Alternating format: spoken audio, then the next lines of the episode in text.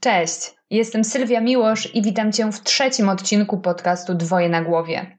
Opowiem Ci w nim o tym, jak znajdować czas na naukę, gdy masz go bardzo mało.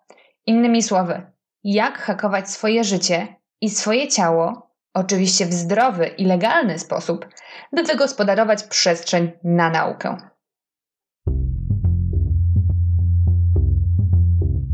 Dwoje na głowie to podcast o tym, jak budować harmonię między prowadzeniem własnego biznesu a byciem mamą. Mówię w nim o tym, jak efektywnie pracować, zdobywać klientów, rozwijać swój biznes oraz mieć czas dla siebie i dla swojej rodziny. Buduj swój biznes i bądź świadomą matką. Gdziekolwiek zmierzasz jako przedsiębiorczyni i mama, jestem tu, by Tobie pomóc. Zapraszam, Sylwia Miłosz. Nie zapomnij subskrybować tego podcastu. Dzięki temu żaden nowy odcinek Ci nie umknie. Nie znam mamy dziecka w wieku od zera do kilkunastu lat, która mówi, że ma dużo czasu. A ty znasz? No właśnie. Tym bardziej nie znam mamy przedsiębiorczyni, która mogłaby pochwalić się nadmiarem czasu wolnego. Wyobraź sobie jednak, że mimo iż czasu masz mało, potrzebujesz zdobyć nową wiedzę. Jak tego dokonać? Najczęściej na początku do głowy przychodzą takie pomysły jak ograniczenie snu, zrezygnowanie z tych kilku cennych chwil odpoczynku, które ci jeszcze zostały, lub ograniczenie innej rzeczy, która z Twojego punktu widzenia jest mniej ważna niż praca lub nauka. Według mnie działanie w ten sposób to błąd, który szybko się na Tobie zemści.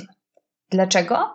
Jeśli nie będziesz dostarczać swojemu organizmowi tyle snu, ile potrzebuje, szybko zauważysz tego skutki. Spadek koncentracji, rozdrażnienie, irytacja, mniej siły. Później dojdą skutki długofalowe w postaci spadku odporności. Skutki braku choć chwili odpoczynku mogą być podobne, a do nich trzeba doliczyć również wypalenie zawodowe. Wniosek?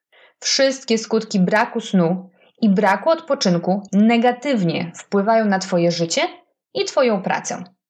Co więc zrobić, by jednak znaleźć czas na naukę i nie doświadczać tych negatywnych skutków, o których przed chwilą wspomniałam? Mam dla Ciebie pięć sposobów, które Ci w tym pomogą. Lecimy!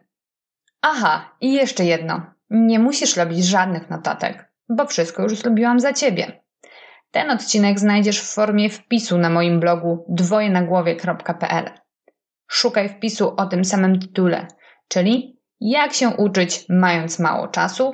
5 trików.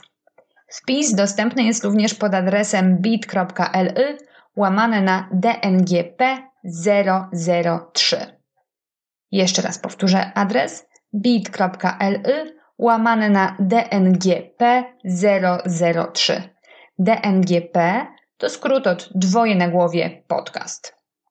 Sposób numer jeden to stwórz swoją grupę wsparcia. Nikt sam nic nie osiągnął. Za każdym sukcesem stoi nie jedna, a wiele osób.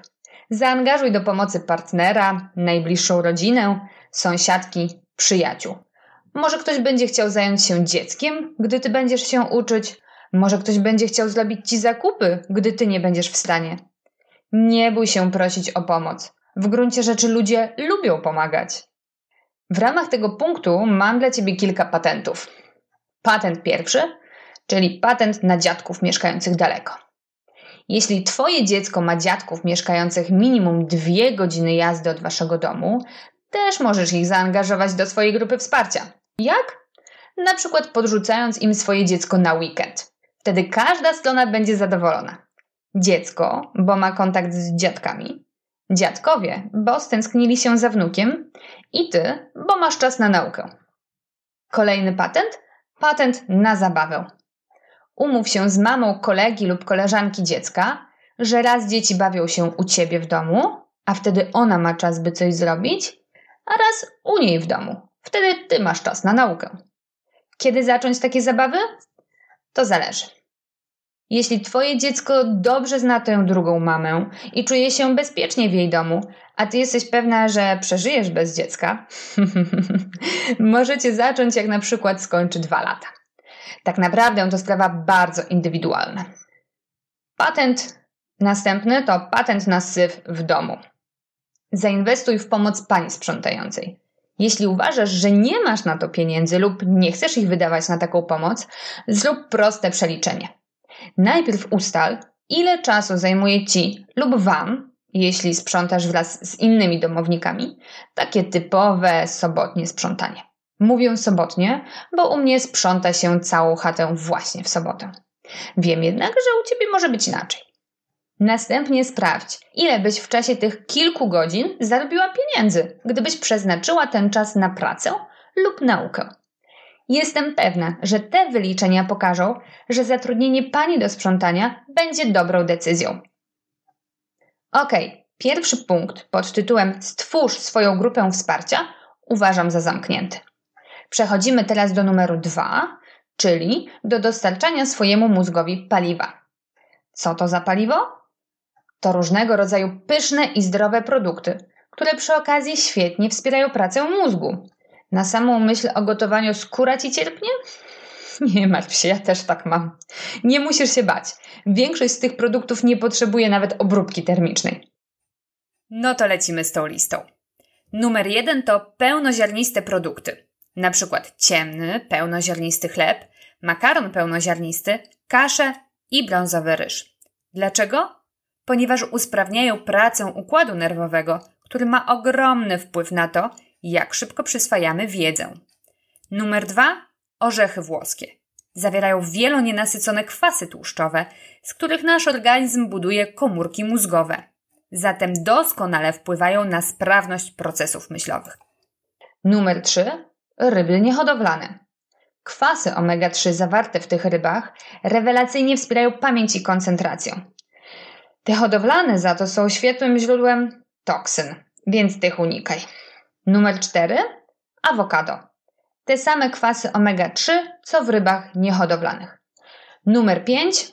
Owoce i warzywa bogate w witaminę B, takie jak śliwka, brzoskwinia, truskawka, kapusta i seler. Jaka jest ich supermoc? Pomagają się skoncentrować i przyswajać nową wiedzę. Nic dziwnego, że zaliczyłam na studiach ekonomię na czwórkę, skoro przy nauce obżerałam się truskawkami. I numer sześć. Wspomniane wcześniej śliwki i brzoskwinie oraz pietruszka zawierają magnez, który działa uspokajająco, antystresowo i poprawia koncentrację. Ok, punkt drugi, czyli dostarczaj swojemu organizmowi paliwa, już za nami. Teraz płynnie przechodzimy do punktu numer 3, czyli doładuj się energią. Jeśli myślisz od razu o energetykach, to powiem Ci, że nie jest to dobry wybór. Dlaczego? Zawierają dużo cukru, powodują kłopoty ze snem i koncentracją, problemy żołądkowe i podnoszą ciśnienie krwi. Zatem energetykom mówimy zdecydowane nie. Co więc wybrać zamiast nich? Przede wszystkim wybieraj produkty, które zapewnią Ci stały, wysoki dopływ energii, a nie szybki i krótkotrwały. Czekoladzie i kawie mówimy też zdecydowane nie, za to witamy w swoim życiu następujące produkty. Numer jeden: gruszki, buraki, ziemniaki. Dlaczego? Bo zawierają zdrowy cukier. Numer dwa: yerba mate, bo daje porządnego kopa energetycznego. Działa pod tym względem lepiej niż kawa. Dzieje się tak dlatego, że utrzymuje stały poziom energii przez wiele godzin, zakładając, że pijesz yerbę regularnie przez cały dzień. Jedną porcję suszu można zalać wodą nawet 7 razy. Wiedziałaś o tym? Co więcej, yerba mate wpływa oczyszczająco na organizm. Zatem przygotuj się na częstsze bieganie do kibelka na jedynkę. Oraz hamuje łaknienie, czym przyczynia się do poprawy sylwetki. Brzmi zbyt pięknie, by było prawdziwe? a jednak istnieje i działa naprawdę. Sama piję yerbę od wielu lat, z przerwą na ciążę i karmienie piersią i nie zamieniłabym jej na żadną, nawet najlepszą kawę. Ok, ze sposobu numer 3 płynnie przechodzimy do sposobu numer 4, którym jest ruch. Wszak ruch to również energia dla mózgu. Według mnie jest jednak tak ważny, że zasługuje na oddzielną część. Ruch i ćwiczenia fizyczne poprawiają nastrój i pamięć, dodają energii i zwiększają naszą uwagę. Wiesz, że naukowcy dowiedli, że człowiek jest w stanie efektywnie się skupić mniej więcej przez 45 minut nauki? Po tym czasie nasz mózg się wyłącza. Dlatego rób sobie przerwy, podczas których ruszaj się. Możesz się porozciągać, zrobić kilka przysiadów, brzuszków, nawet krótki spacer zrobi robotę. Stawka jest wysoka, bowiem chodzi o szybkość i wydajność Twojego mózgu. Jeśli masz problem do rozwiązania, idź na spacer. Dlaczego długie siedzenie, niezależnie czy przy komputerze, czy przy książkach, może mieć zły wpływ na Ciebie? Odpowiem Ci cytatem z książki Mikołaja Marceli yy, pod tytułem Jak nie zwariować ze swoim dzieckiem? Edukacja, w której dzieci same chcą się uczyć i rozwijać. Swoją drogą bardzo dobra książka poradnikowa. Ok, cytat leci. Przede wszystkim na skutek mniejszej ilości tlenu we krwi spada wydajność mózgu. Szybciej spada także poziom koncentracji. I kolejny cytat z tej książki. Okazuje się, że krótki, 30-minutowy trening ma natychmiastowy wpływ na poziom neuroprzekaźników, czyli dopaminy, serotoniny i noradrenaliny, poprawiając naszą koncentrację na co najmniej dwie godziny i zwiększając efektywność uczenia się. Jednak to, co jest najbardziej zaskakujące, to fakt, że ćwiczenia przyczyniają się do powstawania nowych neuronów w części mózgu zwanej hipokampem, który odgrywa ważną rolę w przenoszeniu informacji z pamięci krótkotrwałej do długotrwałej. Nieźle, co? Tę wiedzę oraz fakt, że już słuchasz podcastów, możesz wykorzystać na swoją korzyść. Wsiadaj na rower lub zakładaj buty do biegania, wkładaj słuchawki i odpalaj podcast o tym, czego aktualnie się uczysz. Efekt gwarantowany. Ja o tym ruchu mogłabym mówić jeszcze długo, bo jestem mocno przywiązana do codziennego ruchu. Mój mąż na pewno to potwierdzi.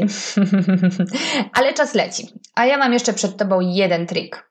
I już ostatni. Numer 5 to uznaj, że to tylko na chwilę. Pewnie najbardziej martwisz się tym, że poświęcając czas na naukę, będziesz zaniedbywać własne dzieci. To rzeczywiście jest kwestia, z którą się musi zmierzyć każda mama, która chce się rozwijać. Co warto zrobić, by pomóc dzieciom zrozumieć tę sytuację? Jak wytłumaczyć otoczeniu to, że potrzebujesz ich bardziej niż dotychczas? Jak w końcu samej poradzić sobie z tym wyzwaniem? Oto moje sprawdzone sposoby. Wytłumacz dzieciom, że to tylko na jakiś czas. Po tym, jak osiągniesz cel, znów będziesz miała więcej czasu dla nich. Pamiętaj, że jesteś dla swoich dzieci wzorem. Patrząc na ciebie, będą wiedzieć, że warto się uczyć. Podaj swojej grupie wsparcia przybliżoną datę, do kiedy będziesz potrzebowała ich zwiększonej pomocy. Taka informacja jest bardzo istotna dla wszystkich zaangażowanych osób. Nie obarczaj się poczuciem winy i wyrzutami sumienia. Ogromna praca, jaką wykonujesz ucząc się, będzie wniosła korzyści nie tylko dla ciebie, ale również pośrednio dla Twoich dzieci i innych bliskich osób. Znajdź chwilę na relaks. Jest to o tyle istotne, że tylko wypoczęty umysł jest w stanie chłonąć wiedzę. Ok, za nami pięć sposobów na zdrowe hakowanie własnego życia, by mieć więcej czasu na naukę. Jestem ciekawa, co o nich myślisz. Napisz do mnie na Facebooku, na fanpage'u Dwoje na głowie lub na Instagramie, profil Dwoje na głowie. I kilka słów na koniec. Jeśli się wahasz, czy zacząć lub kontynuować naukę, to zachęcam Cię do podjęcia tego wyzwania. Inwestycja we własny rozwój to jedna z najlepszych inwestycji, czy to pod względem czasu, czy pieniędzy, w życiu każdego człowieka. Nikt nie wie, jak potoczy się jego życie, ale nowa wiedza i umiejętności na pewno się przydadzą. Zawsze. Dzięki za wysłuchanie podcastu Dwoje na głowie. Zostaw ocenę mojego podcastu w swojej ulubionej apce oraz nie zapomnij subskrybować. Do usłyszenia następnym razem. Cześć!